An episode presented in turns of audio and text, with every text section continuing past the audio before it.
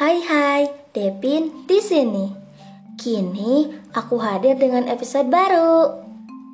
Kali ini kita akan membahas mengenai sistem pencernaan pada manusia. Salah satu ciri makhluk hidup adalah memerlukan makanan.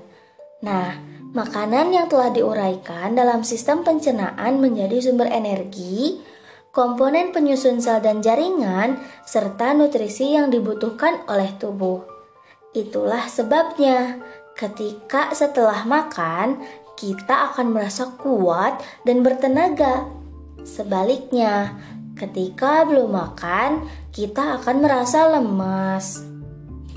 Sistem pencernaan manusia adalah sistem yang membantu dalam mencerna makanan untuk menghasilkan energi bagi seluruh anggota tubuh.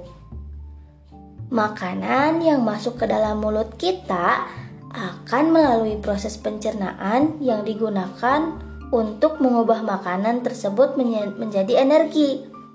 Dan pada akhirnya melewati proses pembuangan melalui anus yang dihasilkan berupa feses. Proses perjalanan makanan dari mulut sampai ke proses pembuangan disebut proses pencernaan. Sistem pencernaan pada tubuh manusia berfungsi untuk menghancurkan makanan yang masuk ke dalam tubuh. Makanan yang semula bentuknya kasar dapat berubah menjadi bentuk yang lebih halus dengan bantuan gigi dan enzim.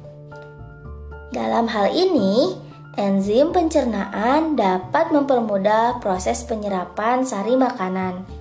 Selain itu, sistem pencernaan juga berfungsi untuk membuang sisa-sisa makanan yang sudah tidak diperlukan lagi bagi tubuh kita.